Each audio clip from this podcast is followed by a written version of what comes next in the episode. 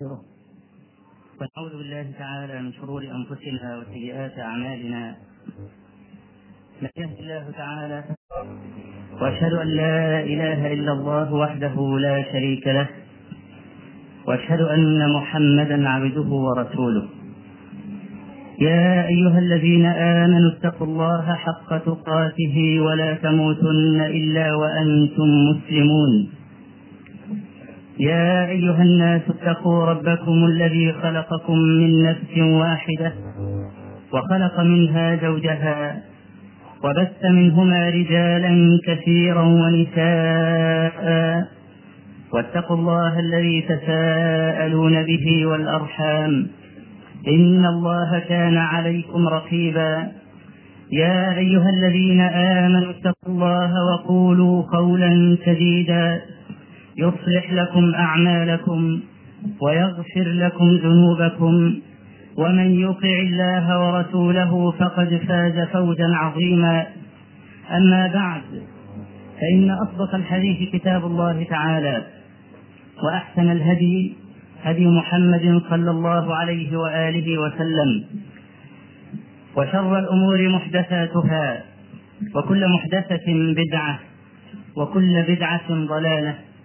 وكل ضلالة في النار. قصة قارون يعرفها كل من قرأ القرآن.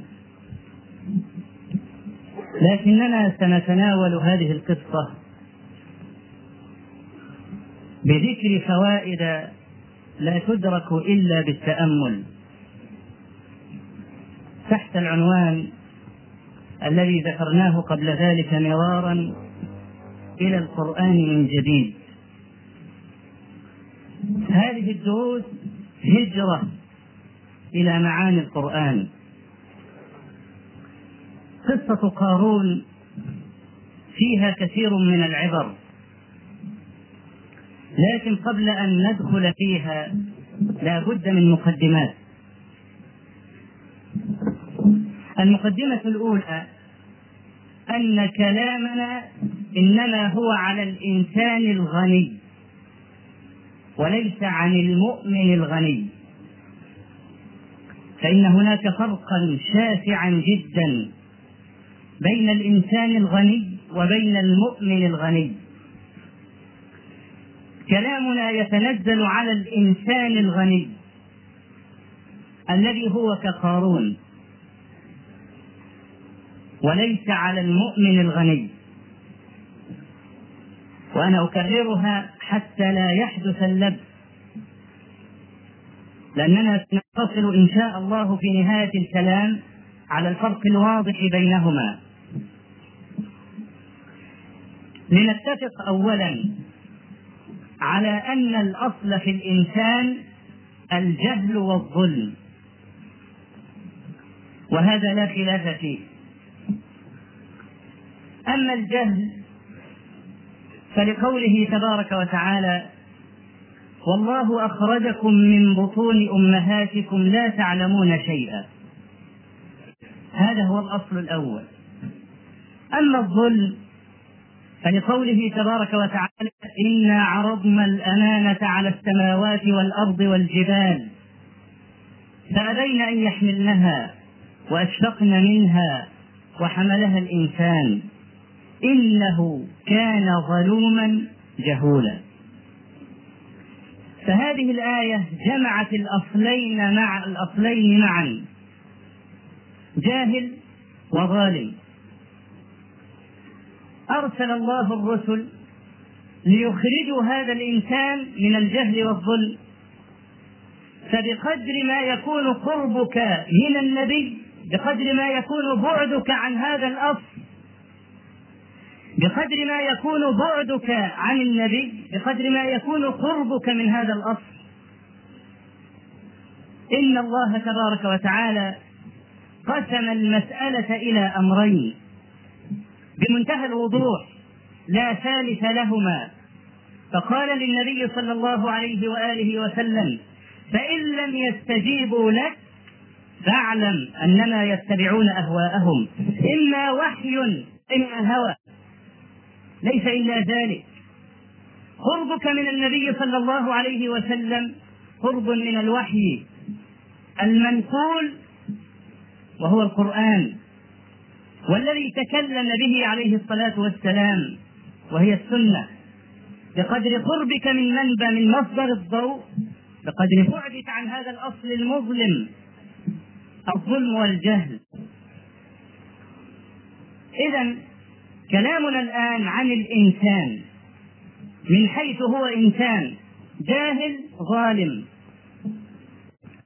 يحتاج إلى ما ينير له الطريق يحتاج إلى كلام الأنبياء يحتاج إلى كلام الوحي.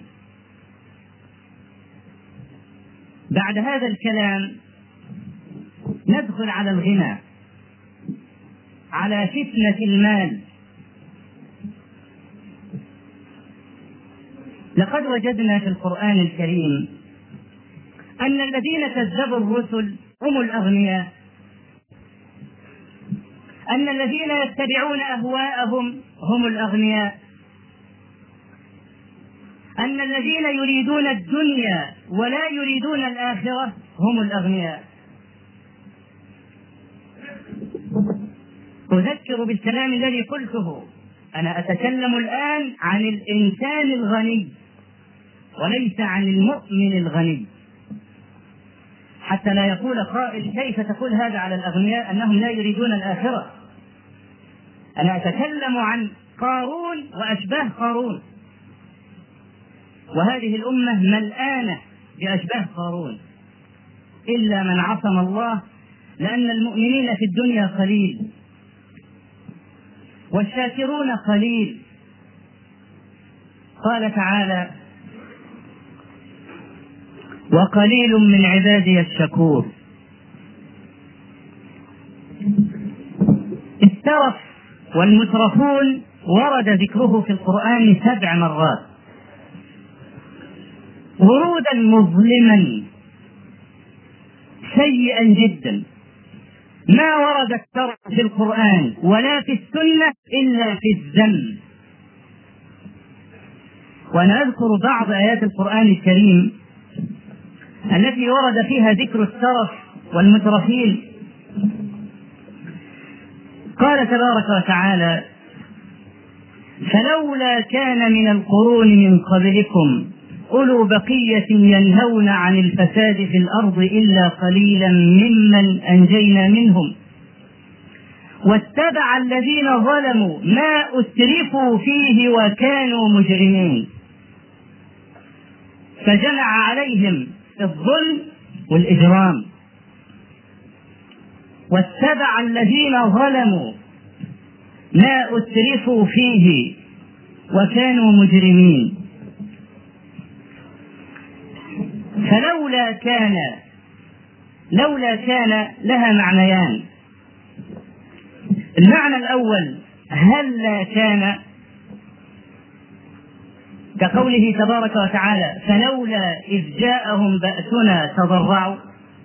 يعني هل لما وقع بهم العذاب تضرعوا استكانوا ندموا رجعوا؟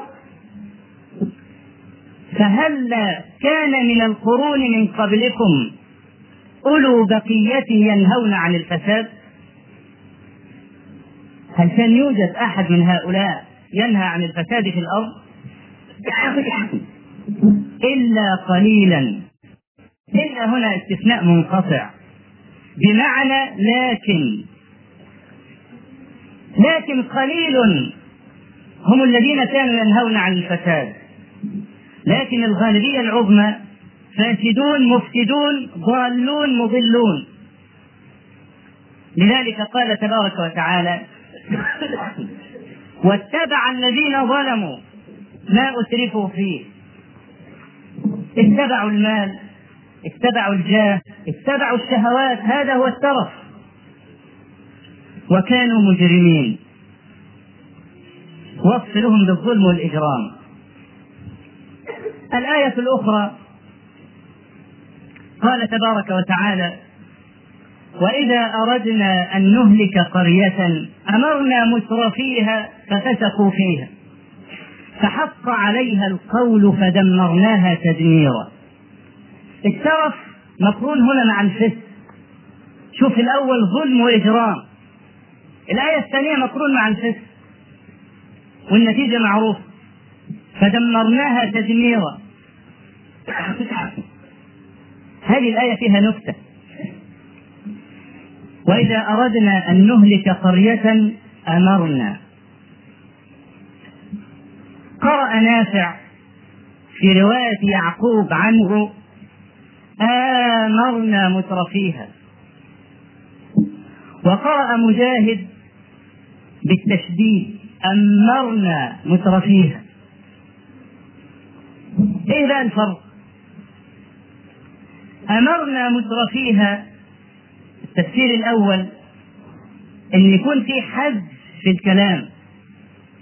أي أمرنا مترفيها بالطاعة ففسقوا فيها. فإذا في حد المعنى الثاني أمرنا مترفيها أي كسرناهم. صاروا كثر. وإذا كثر المترفون في مكان زادت سيئاته. من أمر أي كثر. كما في قوله صلى الله عليه وآله وسلم خير المال مهرة مأمورة وسكة مأبورة. مهرة أنثى الخيل. مأمورة أي كثيرة الإنتاج. هذا خير المال. يبقى أمر هنا بمعنى كثر ومنه قول أبي سفيان لما راح لهرقل عظيم الروم كما في صحيح البخاري ورأى أن هرقل رق قلبه لجواب النبي عليه الصلاة والسلام لكتابه. خرج أبو سفيان وهو يقول لقد أمر أمر بن أبي كبشة. أبو كبشة ده جد للنبي عليه الصلاة والسلام من ناحية عبد مناف لكنه جد غير مشهور. وإذا أراد الإنسان أن يذكر آخر بمعرض الذم ينسبه إلى جد غير مشهور. فقال لقد أمر أمر بن أبي كبشة أي لقد زاد وتفشى أمره حتى إن هرق رق قلبه لكتابه. بهذا التفسير تفهم النكتة في قول موسى عليه السلام. للخضر عليه السلام. لما قتل الغلام قال له موسى لقد جئت شيئا نكرا. لما خرق السفينة قال له لقد جئت شيئا إمرأ. شوف الفرق. إمرأ لأنك أنت هتقتل كل من على السفينة. إذا غرقوا يبقى الشر تفشى بمقتل أكبر عدد. بخلاف قتل واحد فقط. هذا منكر. انك تقتل كل من على السفينة لما تنتزع اللوح منها وتغرق اذا الفساد صار عريضا جدا. صار متفشيا بكثره عدد القتلى. فقال امرأ.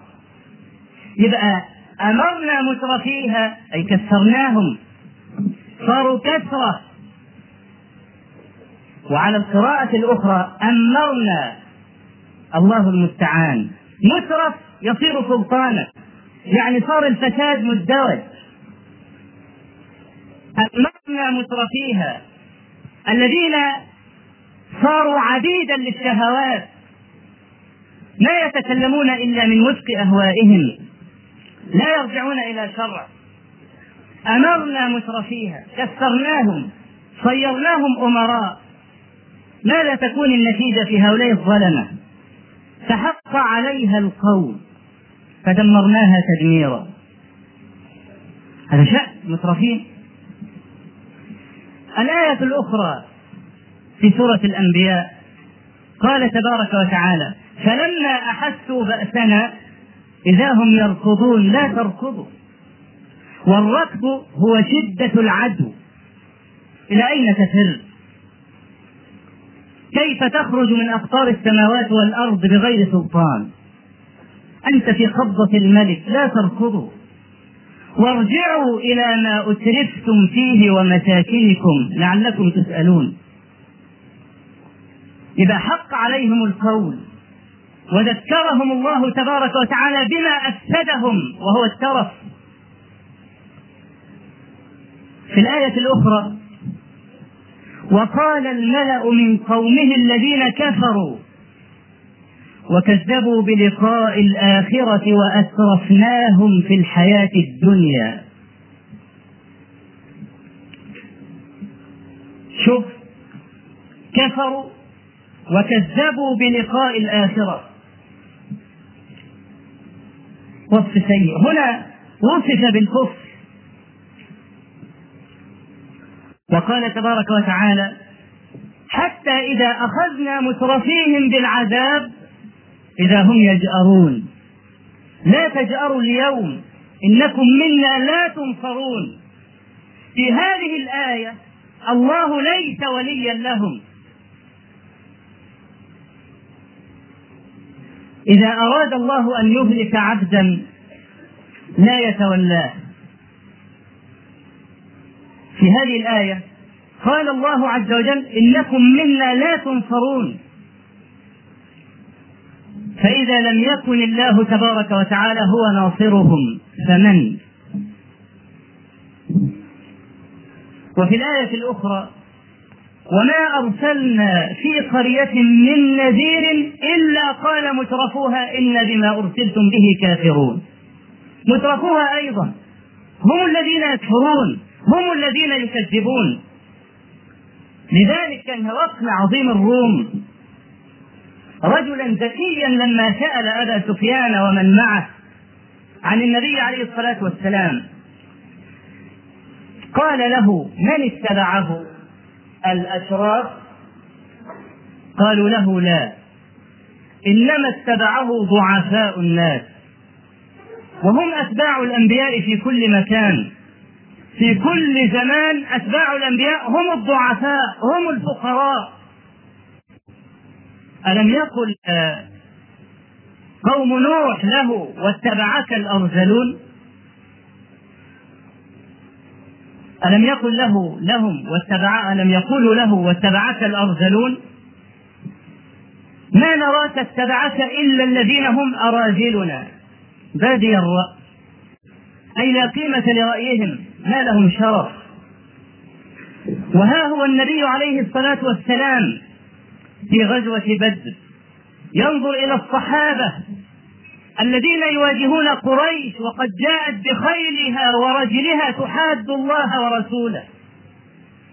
نظر إليهم وقد عضهم الفقر بنابه ضعفاء فقراء مشردون. ليست لهم دولة. قال اللهم إنهم عالة فاحملهم. اللهم إنهم جياع فأطعمهم. اللهم إنهم عراة فاكسهم. اللهم إن تهلك هذه العصابة لا تعبد في الأرض. أتباع الأنبياء قلة وهم ضعفاء. وما أرسلنا في قرية من نذير إلا قال مترفوها. وكذلك قال تبارك وتعالى وكذلك ما أرسلنا من قبلك في قرية من نذير إلا قال مترفوها إنا وجدنا آباءنا على أمة وإنا على آثارهم مقتدون. هذه هي الآيات التي ذكرت في القرآن فيما يتعلق بالترف والمترفين. يبقى الترف مذكور دايما مع الذم. السنة في مسند الإمام أحمد بسند صحيح من حديث أنس رضي الله عنه. وذكر حديث الشفاعة الطويل. وأن الناس يذهبون إلى الأنبياء فكل نبي يقول نفسي نفسي. حتى جاءوا على إبراهيم عليه السلام. فذكر أنه كذب ثلاث كذبات. منها أنه لما دخل مصر وكان ملك مصر إذا علم أن رجلا دخل البلد مع امرأة جميلة إما زوجته أو ابنته كان يأخذها. لكن ما كان يأخذ الأخت. الرواية تقول فلما دخلوا على مصر وكان فيها جبار مترف. فذكر الترف مع الجبروت وبعدين هو زاني. مترف زاني وجبار. أمرنا مترفيها جبار مترف. إذا وجود المال مع الإنسان غير المؤمن جريمة على البشرية. أقل الناس استجابة للخير هم الأغنياء. ليه؟ قال تبارك وتعالى إن الإنسان ليطغى ليه؟ أن رآه استغنى. ما طغى إلا لأنه استغنى. وأنت ترى كذلك. الإنسان إذا كان محتاج دائما تجد ذليل يخفض جناح الذل يا من الرحمة يا من الحاجة. لذلك تجد أكثر تجد التقوى في الفقراء. إنما قلما تجد الأغنياء عندهم هذه السرعة في الاستجابة. لأنه استغنى. لما شعر أنه لا يحتاج إلى أحد شعر أنه فوق الجميع. كنت أعظ مرة وكان يحضر مجالسي رجل غني. وكنت أعمل إذ ذاك عملا متواضعا. فيدخل علي هذا الغني يشتري أشياء. هذا الرجل ما كان يتقبل مني الموعظة. ليه؟ لأنني رجل بقال وهو رجل كبير. كان إذا سمع الموعظة نص شفتيه. هذا موجود خلق موجود في الناس. ألم يقل ألم يقل كفار قريش؟ فلولا أنزل هذا القرآن على رجل من القريتين عظيم. كلام جميل. قرآن جميل لكن لو نزل على أبو لهب يبقى أجمل. لكن يأتي به النبي صلى الله عليه وسلم ليته نزل على أبي جهل. هذا موجود خلق موجود عند الناس. ولذلك الرجل إذا كان له مركز مرموق وكانت له مكانة وكان صالحا تؤتى الثمرة من خلاله أسرع من غيره. لأن هذا خلق عند الناس. إذا رأوا الإنسان مستغني يتوددون إليه. هو لا يحتاج إلى أحد. لذلك ما يخفض جناح الذل لأحد. لماذا؟ لماذا أخفض له جناح الذل؟ لذلك علل الله تبارك وتعالى طغيان الإنسان بأنه مستغني. إن الإنسان ليطغى لماذا؟ أن رآه استغنى. لأنه رأى نفسه مستغنيا عن أحد. فلماذا يخفض الجناح إذا وهو لا يحتاج. إنما أنت تخفض الجناح تقدم الجميل لأنك ستقع مرة تجد من يحملك ولذلك قال تبارك وتعالى وتلك الأيام نداولها بين الناس. يوم عليك ويوم لك. فإذا كنت أنت تعلم هذه الحقيقة يبقى قدم الجميل. هؤلاء المترفون لماذا لا يستجيبون؟ استغنوا. وفيهم هذا الفسق. لأنه ليس عندهم من أنوار النبوة شيء. لا قرآن ولا سنة. إذا كنا قد علمنا أن المال إذا كان مع رجل غير مؤمن كانت هذه النتيجة. فنجلس إلى قصة قارون. قصة قارون واقع مجسد لهؤلاء المترفين. قال تبارك وتعالى إن قارون كان من قوم موسى. شوف الجمال في الآية. كان من قوم موسى. يعني واحد منهم واحد تايه في الزحمة.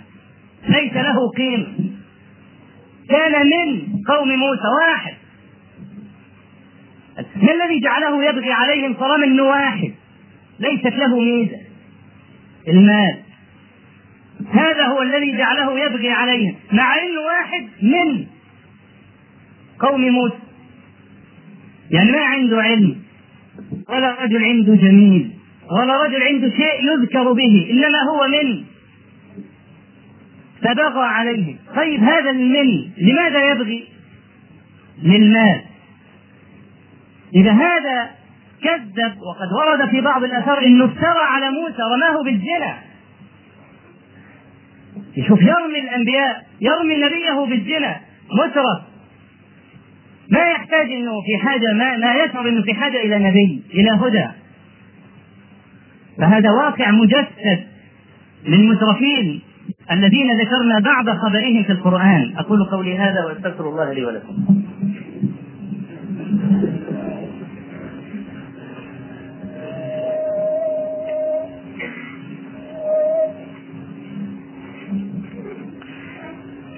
الحمد لله رب العالمين له الحمد الحسن والثناء الجميل. وأشهد أن لا إله إلا الله وحده لا شريك له. يقول الحق وهو يهدي السبيل. وأشهد أن محمدا عبده ورسوله. صلى الله عليه وعلى آله وصحبه وسلم. قال تبارك وتعالى إن قارون كان من قوم موسى فبغى عليه. وآتيناه من الكنوز اتيناه تذكير بأن هذا المال ليس له إنما هو أوتيه. كما قال تبارك وتعالى وأنفقوا مما جعلكم مستخلفين فيه. يعني هو ليس لك. فكلمة آتيناه يدل على أنه هو ليس له فضل في هذا الإيتاء فلماذا يبغي إذن؟ هناك قاعدة هي موجودة في الإنسان الغني أنه كلما ازداد غنى كلما ازداد لؤما كلما ازداد غنى ازداد لؤما. ولا أدل على ذلك. من هذه القصة الصحيحة التي رواها الإمامان الجليلان البخاري ومسلم في صحيحيهما. من حديث أبي هريرة رضي الله عنه عن النبي صلى الله عليه وسلم قال كان في بني إسرائيل أبرص وأقرع وأعمى. أراد الله أن يبتليهم. فأرسل إليهم ملكا. فذهب الملك إلى الأبرص. والأبرص هذا البرص هذا عافانا الله وإياكم. بياض يكون في الجلد. فقال للأبرص ما تشتهي؟ قال أشتهي لونا حسنا وجلدا حسنا. وأن يذهب عني ذلك الذي قدرني الناس من أجله واحتقروني وتجنبوا مجالستي. قال له أي المال تحب؟ قال الإبل. فأعطاه ناقة عشراء وقال بارك الله لك فيها. ودعا الله تبارك وتعالى فذهب عنه البرص وصار من أجمل الناس. ذهب إلى الأقرع ما تشتهي؟ قال أشتهي شعرا حسنا. وأن يذهب عني ذلك الذي قدرني الناس من أجله. أي المال تحب؟ قال البقر. فأعطاه بقرة ولودا. بارك الله لك فيها ودعا الله تبارك وتعالى فأعطاه الشعر الحسن. ذهب إلى الأعمى. ما تشتهي؟ أن يرد الله علي بصري وأن يذهب عني ذلك الذي خزرني الناس من أجله. أي المال تحب؟ قال الغنم. فأعطاه شاة حاملا. وقال بارك الله لك فيها. ودعا الله فذهب عنه العمى. ولبث فترة من الزمن حتى صار للأول واديا من الأبقار من الإبل والثاني واديا من الأبقار والثالث واديا من الغنم. ثم جاءت ساعة الامتحان. هذه الساعة لا بد منها هنا أو هناك. أنت هنا تعمل. هنا أو هناك. جاءت ساعة الامتحان. فجاءهم نفس الملك. لكن جاء الأبرص. في صورة رجل أبرص عشان أول ما الأبرص يشوفه يقول سبحان الله كنت مثل هذا الرجل يتذكر الجميل. يتذكر الإحسان. جاءه في صورة رجل أبرص قال له عابر سبيل انقطعت بي الحبال. واقع. في أمس الحاجة. انقطعت بي الحبال. ولا حيلة لي إلا بالله ثم بك فأسألك بالذي أعطاك اللون الحسن. والجلد الحسن ناقة. أنت عندك مئة ألف راس لا أريد عشرين ولا ثلاثين ولا خمسين. ناقة واحدة فقط. أتبلغ بها في سفري. وبعدين شوف دخله بيستعطفه بسابق بليته التي رفعت. أسألك بالذي أعطاك اللون الحسن والجلد الحسن. ناقة. فقال له الحقوق كثيرة أنا مديون. مديون؟ وأنت دفعت مليم في أي راس؟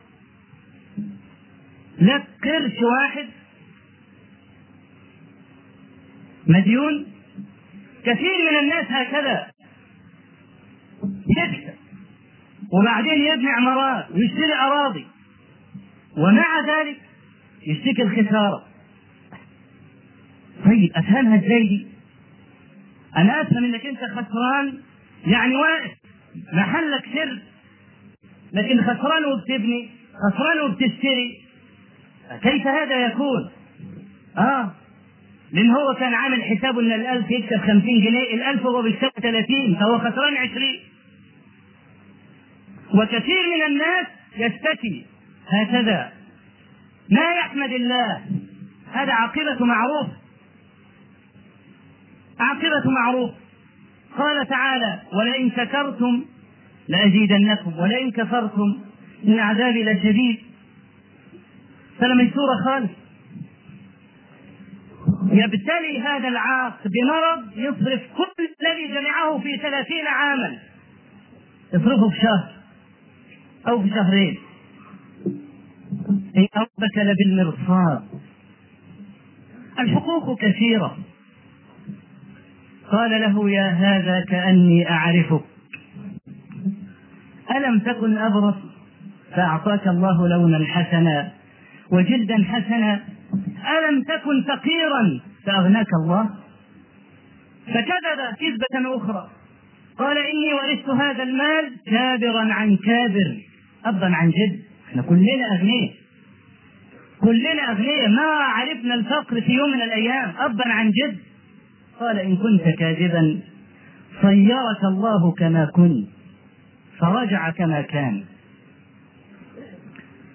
ذهب للأقرع في صورة رجل أقرع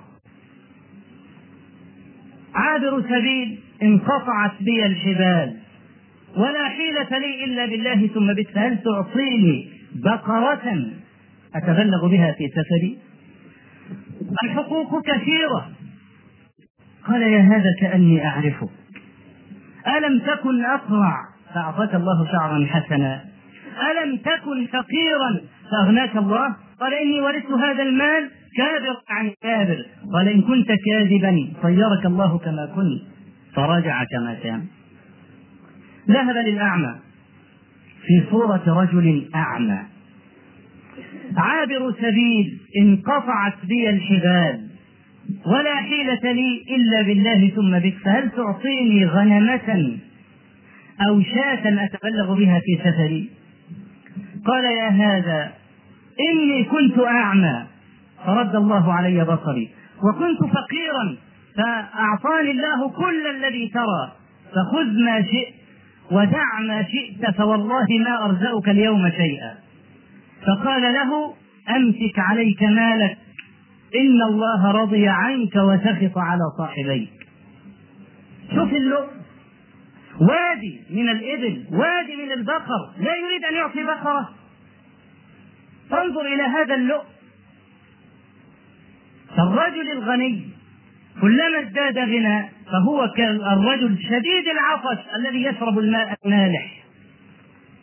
يكاد بطنه ينفجر من الشرب ولم يذهب الظمأ. فهذه حقيقة معروفة. وانظر إلى لطف الله تبارك وتعالى وعدله أنه جعل السؤال واحدا. عشان ما فيش واحد يقول لا السؤال كان فوق مستوى ذكائي. لو كنت أعطيتني السؤال الذي أعطيته فلان كنت أجبت. سؤال واحد. عابر سبيل انقطعت بي الحبال ولا حكمة لي إلا بالله ثم بك.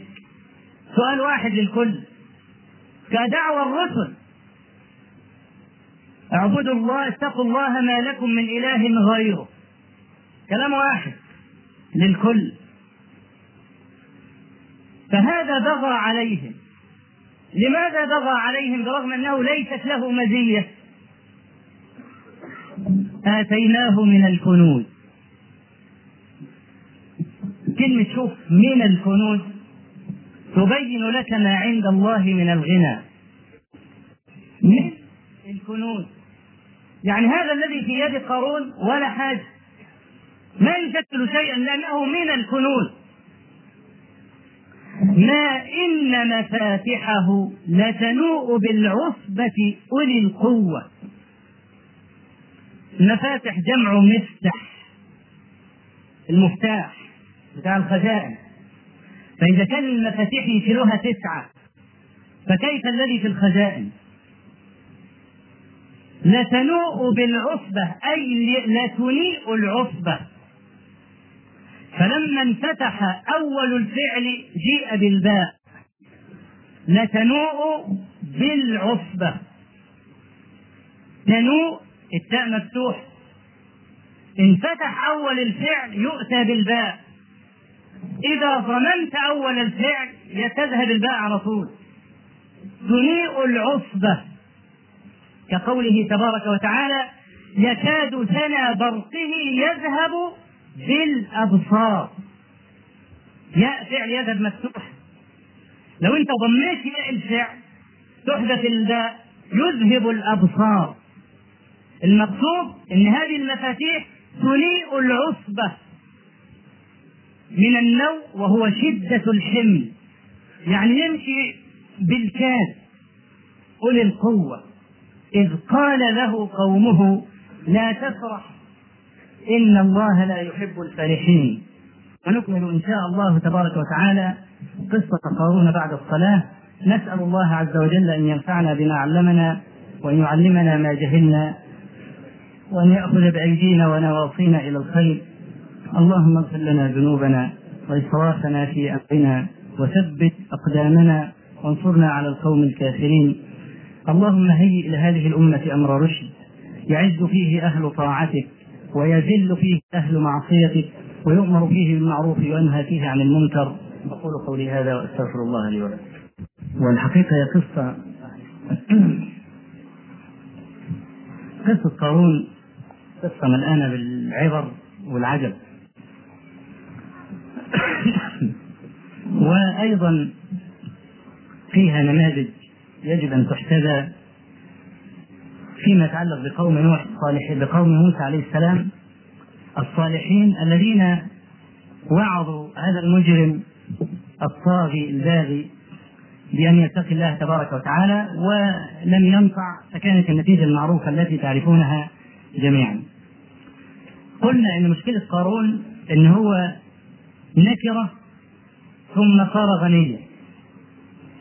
أنت عارف الإنسان اللي بيكون غني من الأصل تجد مؤدب وتجده عارف النعمة.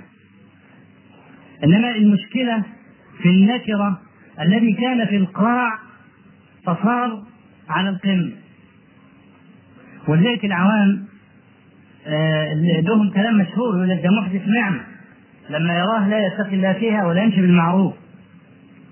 هي العادة كذلك. ليه؟ لأنه ما عاشها ما عرفها ما ذاق طعمها. فهذا النكرة اللي ربنا سبحانه وتعالى قال فيه من قوم موسى نكرة ماله أي مين صار غنيا وكنوزه المفاتيح بتاعتها بيشيلها تسعة عشر. فما بالك بما في الكنوز إذا كان المفاتيح بهذا الثقل؟ إذ قال له قومه لا تفرح إن الله لا يحب الفرحين. كلمة قومه إما إنها تحتمل خاصة أهله وإما أنها تحتمل المتقين من بني إسرائيل. أما المعنى الأول فهذا متبادر من اللفظ. المعنى الثاني يوضحه قوله تبارك وتعالى واتخذ موسى قومه سبعين رجلا لميقاتنا. قومه. مش من قومه. لا قومه. فهذا يشعرك أنه لن ليس في بني إسرائيل إلا هؤلاء. بحيث لو أخرجهم من بني إسرائيل لا يكون فيهم ولا واحد تقي. لذلك لم يستثني. هو أخذ السبعين بقوا كلهم بلطجي. فلو قال من قومه لفهمنا أنه ترك بعض الأتقياء فيهم. فكلمة إذ قال له قومه يدل أن الخلاصة من بني إسرائيل. وهم الحقيق أن يقال هم قومه هم هم القوم اللي هم المؤمنون. لا تفرح إن الله لا يحب الفرحين الفرح المقصود بالآية هنا العجب والكبر مش مطلق الفرح لأن السياق كما قلنا قبل ذلك كثيرا من المقيدات. وهذه قاعدة لابد من الانتباه إليها. بيقع الخلط في المفاهيم بسبب عدم اعتبار هذه القاعدة. السياق من المقيدات. يعني إيه يعني إذا ورد كلام في سياق فانت تنظر هذا الكلام دقيقة لماذا؟ فإذا ما اعتبرت المعنى إذا ما نظرت إلى السياق ظهر لك المعنى. فلو قلت مثلا إنك عزيز كريم. رجل يحبك أنت تعلم حقيقة وده. قابلك بالابتسامة والمصافحة فقال إنك علي عزيز كريم.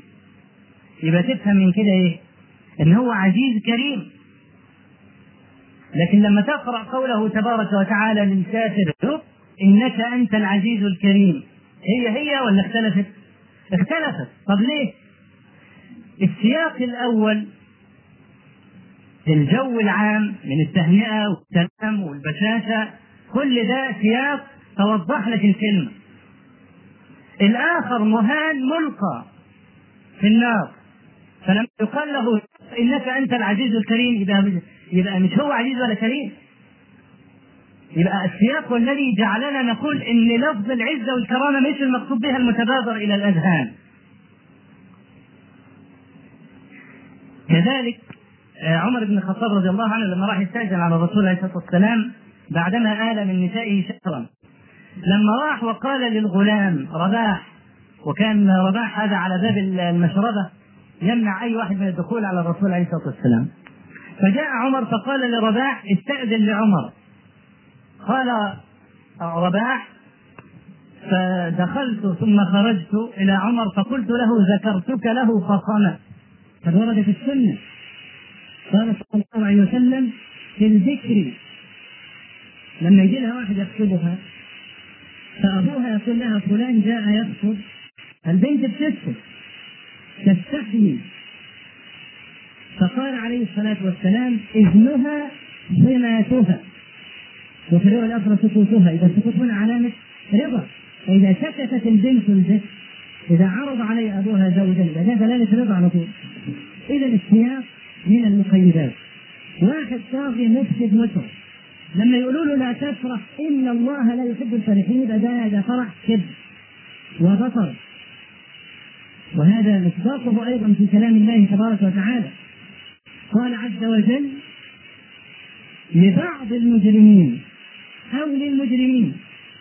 ذلكم أي اللي أنتم شايفينه الآن من العقوبة ومن العذاب. بما كنتم تفرحون في الأرض بغير الحق. إذا فرح بغير الحق يبقى بطر على طول. فرح بغير الحق يبقى بطر بخلاف مثلا ما إذا قرأت قوله تبارك وتعالى في حق الشهداء فرحين بما آتاهم الله من فضله. ثم تعرف أن الفرح هنا يختلف عن الفرح هناك ويومئذ يفرح المؤمنون بنصر الله.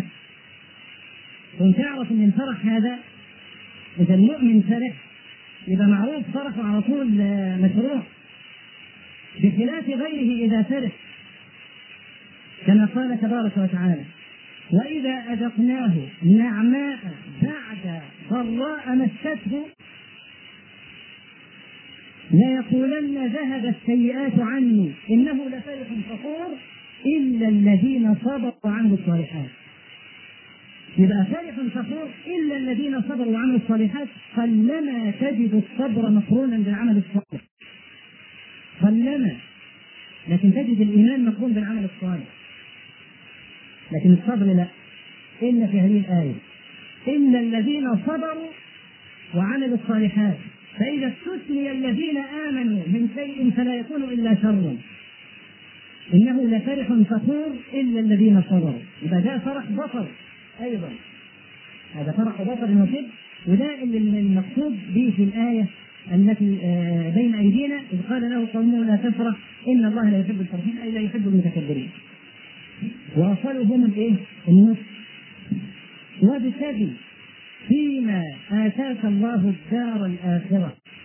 ولا تنس نصيبك من الدنيا وأحسن كما أحسن الله إليك ولا تبغ الفساد في الأرض إن الله لا يحب المفسدين.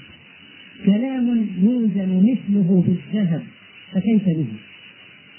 نصائح غوالي جدا. ثلاث أربع خمس نصائح ابتغي فيما آتاك الله. الدار الآخرة. ما هذه أول ما تشوف أي علم أي ما في أي كلام؟ اعرف إنه من صيغ العموم على طول. لو قلت لك أحسن فيما آتاك الله أي في كل ما آتاك الله مش المال فقط. فقولهم ابتغي فيما آتاك الله أي في جميع ما آتاك الله. لكن لو استخدمنا القاعدة السابقة السياق من المقيدات وده من قول موسى يعني ملوش أي ميزة إلا إنه غني يبقى ما دي منصب على إيه؟ على المال. فكأن هذا من العام المقصود. فإن هذا من العام المقصود. خرج مخرج العام لفظه لفظ عام لكن المراد به شيء خاص. لفظة الناس. الألف واللام من صيغ العموم. وكلمة ناس أيضا تشمل كل الخلق. يبقى كلمة الناس هذه من صيغ العموم ولا لا؟ هذه عامة كلها. هي عامة. اسم جنس طيب. لما تقرأ قوله تبارك وتعالى وأذن للناس بالحج.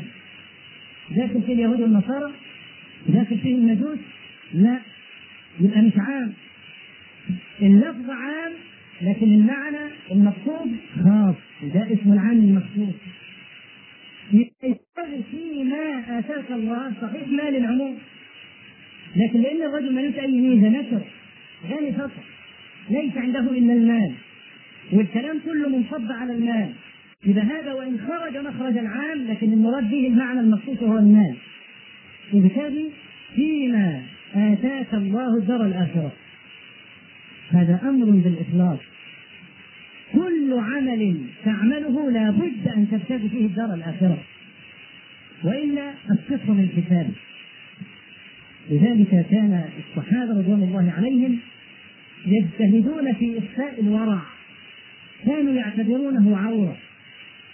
كانوا يخافون على أعمالهم يخافون على الإخلاص إذا كنت رجل غني وتريد أن تتصدق. وكنت قويا. وآتاك الله تبارك وتعالى من الإخلاص ما تأمن به الرياء تصدق في الظاهر. فإن كنت تخشى على نفسك تصدق في الباطن. الذمة دي تدركها بشيء من التأمل في قوله تبارك وتعالى إن تبدوا الصدقات فنعماه وإن تخفوها وتؤتوها الفقراء فهو خير لكم. شوف الفرق. إن تبدوا الصدقات فنعماه نعم ما فعلتم. وإن تخفوها وتؤتوها الفقراء فهو خير لكم الفرق إيه؟ ليه وصف الإبداع بنعم الفعل؟ إذا نظر غيرك يغار منك فيفعل الذي فعلت فنعم ما فعلت. كما في حديث أبي هريرة في الصحيحين الحديث الذي تعرفونه جميعا قال رجل لأتصدقن الليلة بصدقة كان من ضمن هؤلاء فتصدق الأول على جانية وبعدين تصدق على نصف وبعدين في الآخر تصدق على رجل غني. فلما شعر الرجل إن الصدقة لم تقبل لانها لم تقع في موقعها جاءه ملك أو قيل له فيما يتعلق بالغني وأما الغني فلعله يغار فيخرج الذي عنده. يشوف واحد يتصدق يقول طب لماذا هذا الرجل يستأثر بالفضل؟ غير. وأنا رجل عندي أنا أخرج لسان فعل فيبقى نعم ما نعم ما فعلت لأنك جعلت غيرك يتصدق إنما لما تخفيها وتؤتيها الفقراء فعادت الثمرة عليك أنت فقط أيها المتصدق لذلك قال فهو خير لكم. أنتم ما عاد هذا على غيرك. إذا أنت توزن نفسك. رجل عندك من الإخلاص. شيء وفير يبقى تصدق على نية. لعل بعض الناس يغار. يخرج الذي عنده خفت على نفسك وعلى عملك. كيف تجتهد فهو خير لك. يبقى كل شيء يجب أن تفعله. لابد أن تفعل كل شيء تفعله يجب أن تقصد به الدار الآخرة. حتى لو افرغت من دلوك في دلو أخيك مش هقول لك افرغ بقى لا شربات ولا لبس ولا بتاع ماء من أبو بلاش. الرسول عليه الصلاة والسلام قال ولو أن تفرغ من دلوك في دلو أخيك. صدقه تريد به الدار الآخرة؟ تؤجر عليه. الشوكة تنحيها رغم ما يكلفك شيئا. زجاجة مكسوره تأخذها من على الأرض خشية أن تؤذي مسلم. تنحيها تريد الله والدار الآخرة فهي في حسابك أي عمل ما أردت به الدار الآخرة؟ اسكته لأن الله تبارك وتعالى قال في أمثال الذين لا يعملون له وقدمنا إلى ما عملوا من عمل فجعلناه هباء منثورا. ابتغي فيما آتاك الله الدار الآخرة. ولا تنس نصيبك من الدنيا. لا تنس نصيبك من الدنيا فيها ثلاثة أقوال. وكل أقوال جميلة لكن في قول منها أجملها وأرجحها. القول الأول لا تنس نصيبك من الدنيا. أي اعمل لله لأن الدنيا مزرعة الآخرة. فإذا ضيعت دنياك فكيف تحصل الآخرة؟ إذا نصيبك في الآخرة ما عملته في دنياك. لا تنس نصيبك من الدنيا. هذا المعنى الأول. إن بقدر نصبك في الدنيا لله يكون قسمك في الآخرة. هذا المعنى الأول. يبقى إيه هذا يدل على أن الوعظ متصل. ابتغي فيما آتاك الله الدار الآخرة وأعمل صالحا. وعظ متصل. المعنى الثاني لا تنس نصيبك من الدنيا أي الكفن هذا هو نصيبك الذي تخرج به. جمعت وبنيت وزرعت وتركت ما الذي أخذته وأنت مغادر من هذه الدنيا؟ الكفن هذا نصيبك. كما قال القائل وانظر لمن ملك الدنيا بأجمعها. هل راح منها بغير الحكم والكفن هذا نصيبه. ما هو حظه الذي أخذه من الدنيا؟ الكفن ولا يفوتني بهذه المناسبة. طالما أنني ذكرت البيت أن أنبه جماعة لغسل الموتى أن مسألة وضع الحكم في بدر الميت أو في أذنه أو في المواضع المفتوحة هذا لا يجوز له أن يفعلها. ما فعلها النبي عليه الصلاة والسلام ولا فعلها أحد من أصحابه ولا استحبها أحد من علماء المسلمين. هذه بدعة فشت في العوام. إذا اللي يغسل الميت إياه يضع قطن أو أي شيء. طبعا القطن مش مش المخصوص. قطن أو أي شيء مكان القطن هذا بدعة. فيؤيد كلمة لا تنسى نصيبك من الدنيا على القول الثاني الكفن ما يخرج إلا به. القول الثالث وهو أرجح الأقوال. لا تنس نصيبك من الدنيا أي تمتع بالحلال. لماذا قلنا أنه أرجح الأقوال برغم أن أن القولين السابقين لا ينفيهما اللفظ بل اللفظ يحتملها والأدلة العامة تؤيدها. أرجح الأقوال لسببين السبب الأول إن هم بيكلموه على فتنة المال وده رجل نهوم جدا للمال. فلو انهم قالوا له دع مالك كله لم يحسنوا وعظه. إذ أنك إذا رأيت الرجل غارقا في الشيء المباح حتى دخل به بكثرة الإغراق إلى الحرام ليس من الحكمة في الدعوة أن تأمره بأن ينزع عنه بالكلية لأنه لا يطيعه. لكن لما تقول له ما فيش مانع تأكل وتشرب وتلبس وتوسع على نفسك ممكن يرجع. لكن لو قلت له امتلك من مالك كله لا يطيعه. ولذلك قالت عائشة رضي الله عنها لو نزل القرآن وهذا ثابت عن عائشة صحيح لو نزل القرآن فقال للعرب لا تشربوا الخمر لقالوا لا زلنا نشربها أبدا. لازم يشربوا الخمر كالماء لما تيجي تقول لا تشرب الخمر مرة واحدة في ناس ما يتحملوا. يعني كان الضحاك بن مزاحم رحمه الله له جار نصراني. فالجار النصراني الضحاك يعني كان بيعرض عليه الإسلام.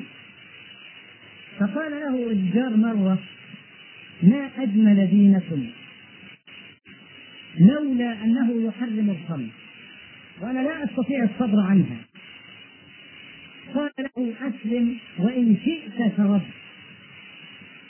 ما قالوش اسلم واشرب لأنه لا يجوز. قال أسلم وإن شئت شربت فأسلم الرجل. وظهر إسلامه فقال له الضحاك اسمع. إن ارتدت قتلناك وإن شربت حددناك. فشرب الخمر يجلس ولو ارتد يقتل ففي بعض الناس يصدها عن الدخول في المعروف في الخير ما هم فيه وما تعودوا عليه. انت بتجد بعض المسلمين الآن بكل أسف قد يكون العمل الذي يعمله حراما لا خلاف فيه أو على الأقل الراجح فيه الحرمة. أو على الأقل من وجهة نظره حرام. إحنا نزلنا ثلاث مرات أهو. إما أن يكون حرام جزما وإما أن يكون الراجح الحرمة أو على الأقل من وجهة نظره هو حرام. ورغم ذلك لا يترك ليش؟ تعودت على مستوى معيشة معين. يعني اتعودت ادخل العيال مثلا بقفص مانجا ما امنع الكلام ده؟ خذني بالتدريج اتعودت مثلا إن أنا أروح لفلان الفلاني ولا بعض اقربائي بعض أرحامي وأعطيهم. وتعودت إن أنا أعمل كذا وكذا. قادر يخرج تعود فأمثال هؤلاء لما عندهم من ضعف الإيمان وعدم إحسان التوكل على الله تبارك وتعالى يظل في المعصية. يهون عليه يراه الله حيث نهاه. يهون عليه. ولا يستعظم نظر الله له ولا يستدل حلم الله عليه. وأنه تركه حتى الآن برغم أنه كان ممكن يأخذه من زمان. ويأخذه وهو عاص. ولا حين منار. إذا أخذ وهو عاصي قضي الأمر. إن في العادة هو الذي يمنع الناس أن يرجعوا إلى الحق. الإنسان عندما يدعو الناس لا سيما في مثل هذه البابة لابد يكون ذكي. لو قالوا لقارون إياك أن تنتفع بمليل واحد واليوم روح لن أسمع لكم قولا لكن هم قالوا له إيه؟ نحن ما نطالبك أن تخرج من كل مالك لا كل وتمتع بالحلال. الحلال ده ملوش حد؟ كل زي ما أنت عايز بس بالحلال. فلما قالوا له ولا تنس نصيبك من الدنيا هذا من الوعظ الحسن. ان هم لم يأمروه أن ينخلع من ماله رفقا به وبقلبه الضعيف. بعض الناس بيجي لها شك قلبيه لو فقد جزء من ماله أو جل ماله. يتصل بيه قالوا المصنع اتحرق يصب ساكت طيب يا أخي أنت ولدت ما تمنعك مليون واحد زعلان ليه؟ فقط والذي أعطاك ويعطي غيرك لا يموت ويرثك ويرث الأرض كما أنه أعطاك ويعطيك خد ساكت ليه؟ يذل ليه؟ هذا متحمل يقول لك أصل ما عادش في العمر قد اللي عدى لما نزل في نسبه 30 سنة هو في عمري كم 30 سنة؟ الله تبارك وتعالى يرزقك في لمح البصر وبرضه إذا عصى العاصي يجتث ماله في لمح البصر أنا حكيت لكم قبل ذلك. حكيت الرجل اللي كان معاه 100000 دينار كويسه ها؟ ومات بقى هيفرقع عن الكبر. 100000 دينار كويسي قبل الفجر كانت تقارب مليون جنيه. مليون جنيه لأن الدينار كان ب 9 جنيه ونص تقريبا. 9 جنيه ونص في 100000 يعني 950000 يعني قرب من مليون. ده بقى ما خطرش في باله يزكي ولا يقول أنا عليا كم ولا بلد ولا مالي بلغ النصاب ولا لا هو شغال في النصاب الثاني. لكن النصاب بتاع ربنا ما يعرفوش فلما حصل بقى الغزو ونزل الدينار ل 97 قرش صار جملة ما عنده 97 ألف. انجن شوف خسر قد إيه؟ يعني هو لو طلع زكاة ماله ممكن يصل لعشر معشار الذي خسره. الألف عليه 25 جنيه. الألف عليه 25 جنيه. العشر آلاف 250 جنيه. يا بلاش وتطهر مالك وتزكيه. سبحان الله. يبقى البركة من الله تبارك وتعالى. ما بقى في 30 سنة وما عادش من عمري غير 10 سنين ولا 15 سنة تمام دي البركة من الله تبارك وتعالى. واحد يجمع المال في 30 سنة كما قلت يصرفه في شهر واحد فإذا حفظ الله عليك صحتك وعلى أولادك صحتهم يبقى أنت معك ملايين ما تتعدى يبقى لا تنس نصيبك من الدنيا. اتمتع وكل. طيب بقيت فلوس وديها فين؟ وأحسن. أحسن. هين على الفقراء. أعطهم في الحديث الصحيح قال النبي صلى الله عليه وسلم قال الله تبارك وتعالى عبدي أنفق أنفق عليك أنفق أنفق عليك وفي الحديث الآخر ما من صباح ينشق فجره إلا والنادي ملكان. اللهم أعط منفقا خلفا. اللهم أعط ممسكا تلفا طب أنا أقول لكم على حاجة. وهذه ما تحتاج إلى كثير كلام لأن كل واحد فيكم يجربها أكيد. الجماعة اللي هم بيجيبوا حاجة بكثره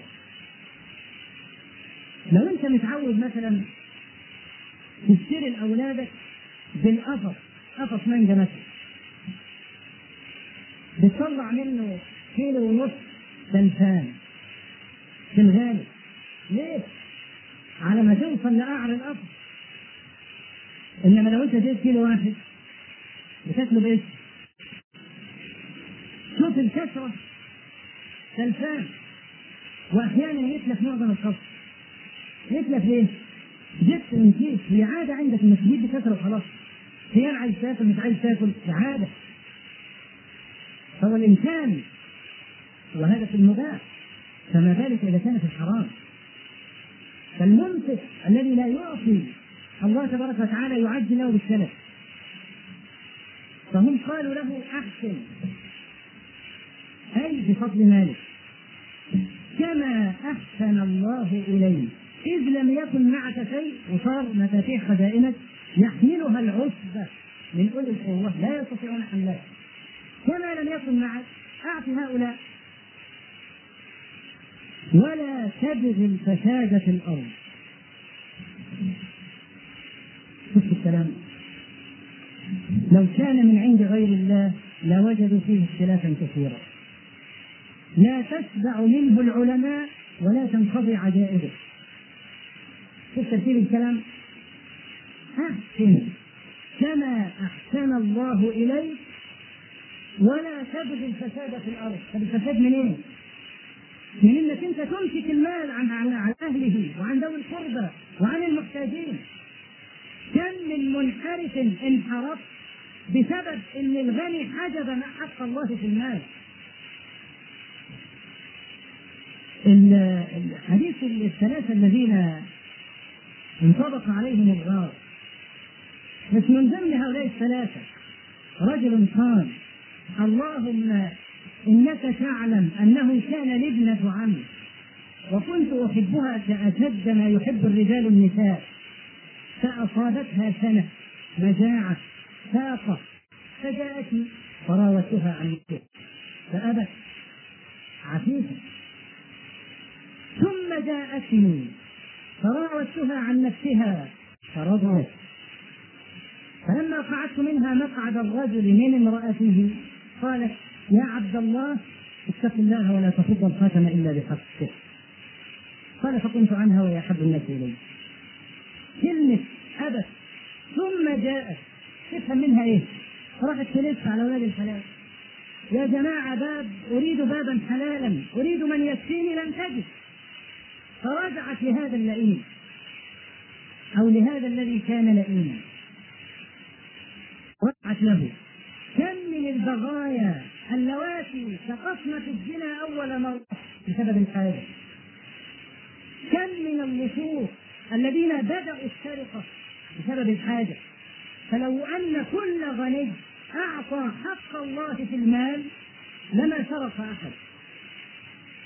إذا إذا حج الغني لحق الله في المال. المال كله له في فساد الأرض. فقولهم لا تبغي الفساد في الأرض أي بحجبك المال فيحصل انحراف. إن الله لا يحب المفسدين. إن الله لا يحب المفسدين. في الآية الأولى لا يحب الفارقين وفي الآية الثانية لا يحب المفسدين. فهذا يدلك على أن الفرح هو فرح فساد.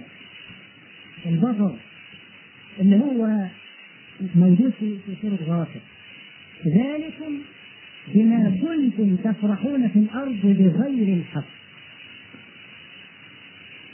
ولا تبغوا الفساد في الأرض. إن الله لا يحب المفسدين. قال إنما أوتيته على علم عندي. الرد بتاعه إيه؟ أنا أوتيته على علم عندي. أنا كنت عارف إن أنا هتغني. لأن أنا حساباتي صح. أنا حساباتي ما تخرش الميه أنا حاسبها مظبوط لا اخطو خطوة إلا وأنا عارف ان هيجي كذا إنما اوتيته أي بعلم ثابت عندي. هذه واحدة. المعنى الثاني.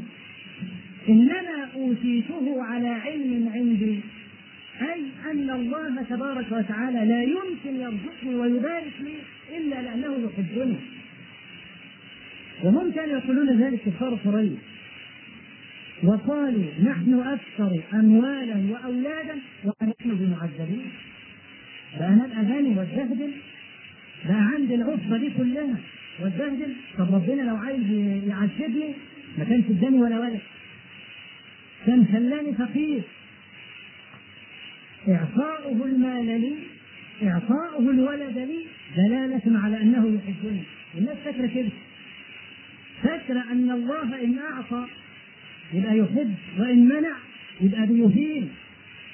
الله عز وجل أنكر على العباد هذه القضية فأما الإنسان إذا ما ابتلاه ربه فأكرمه ونعمه فيقول ربي أكرمني.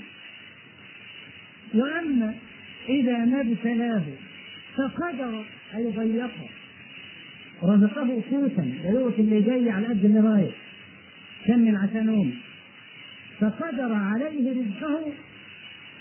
تقول ربي أهانا أم ربنا سبحانه وتعالى كلا ليس المنع دليل الإهانة وليس الإعطاء دليل الكرامة.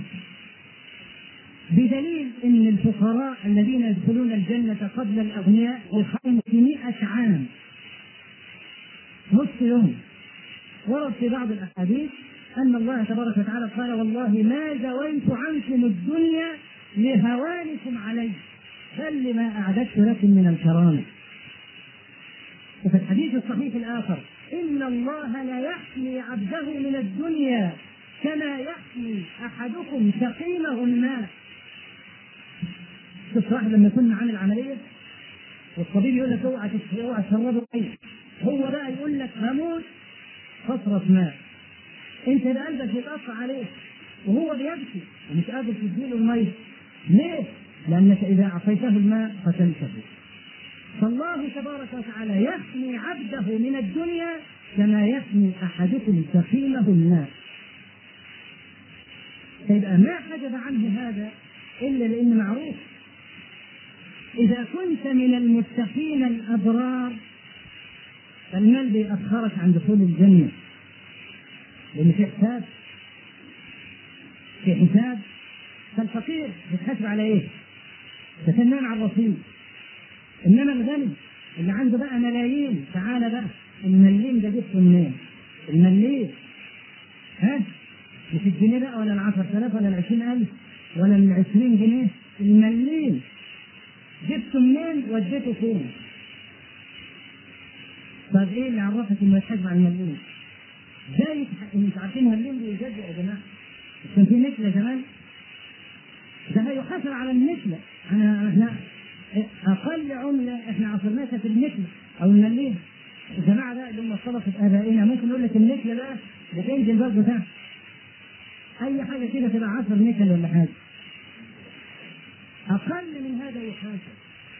كما قال تبارك وتعالى فمن يعمل مثقال ذرة الذرة دي أنت لا تراها بالعين المجردة. فإذا كفرت كيف تراها؟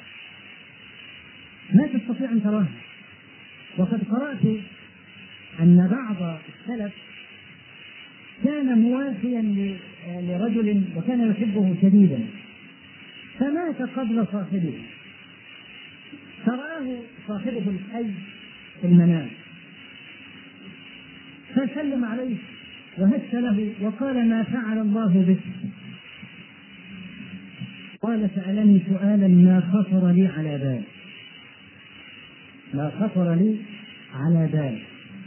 قال وما هو؟ قال كنت أمشي ذات يوم بين الحقول حقول من القمح فوجدت سنبلة قمح على الطريق فرماها يمين شمال رماها. فقيل له ومن أدراك أنها من الحقل الآخر؟ رماها يمين طب ممكن تكون بتاعت شمال رماها شمال ممكن بتاعت يمين قال سألني سؤالا ما خطر لي على بال. فالإنسان كلما ثقلت مؤنته كلما كثر حسابه ده لو من المتقين فكيف إذا لم يكن هناك من يعين على التقوى في مثل هذا الزمان؟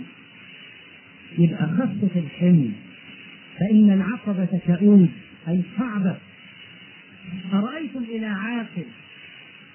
قيل له اقفز هذه هذه السرعة ولا هذا البحر قال لك استنى بقى هاتوا لي شوار رمل عشان أحطه على كتفي وأنا بأزع هذا عاقل ده هيصد في النص. ده المفروض العقل يقول إيه؟ أما اطلع بقى نبات أما اطلع الساعة أما اطلع الطاقيه ليه؟ بيتخفف لأن كلما تخفف كلما خف وزنه كلما قفز وصل إلى السطح الآخر فيبقى خف في الدم فإن العقبة تؤود اللي عايز يعدي لازم يكون خفيف. فكيف إذا جر على نفسه كل هذه الأشياء التي حاسب عليها؟ فالتقي النقي العفيف الغني يتأخر في دخول الجنة. فالله تبارك وتعالى ما يحجب الغنى عن واحد لأنه بيكرهه بل قد يهينه بالغنى. وآخر يكرمه بالفقر. وآخر يكرمه بالغنى. وآخر يذله بالفقر. إيه اللي عرفنا بقى ذل ولا غير ذليل القاعده الاسطوانه التي عليها قطب الرحى وهو التقوى. إن ربنا سبحانه وتعالى إنما يكرم العباد بها. إن أكرمكم عند الله أتقاكم. فهذا قارون؟ من عدم توفيق الله له إن هو أجاب إجابة تنم عن غرور وعن جحود لفضل الله. إنما أوتيته على علم عندي ونقف عند هذا القدر ونكمل إن شاء الله هذا الدرس قارون غدا في درس السبت. كنت انوي ان أعتذر عنه. ما أريد أن أنا اترك هذا القصة بعد صلاة المغرب إن شاء الله تبارك وتعالى في هذا المسجد. نكمل قصة قارون والآن يا إخواننا أرجوكم يعني تمهلوا قليلا حتى يعني نوزع الجوائز على الأخوات. إذا كان في واحد ولي الزوجة أو ولي الأسرة تسلم الجائزة. وحتى تروا أن الأخوات صار لهن أيضا باع. أنا صححت الأسئلة اللي هي وردت إلي من هذا الأسبوع الثقافي. والحقيقة أنا شديد الإعجاب بالإجابات بصفة عامة وإن مستوى بعض الأخوات وصل إلى شيء مشرف لكن التنبيه العام الذي أريد أن أنا أنبه الأخوات عليه ان هم يهتموا شوية بصحة الحديث.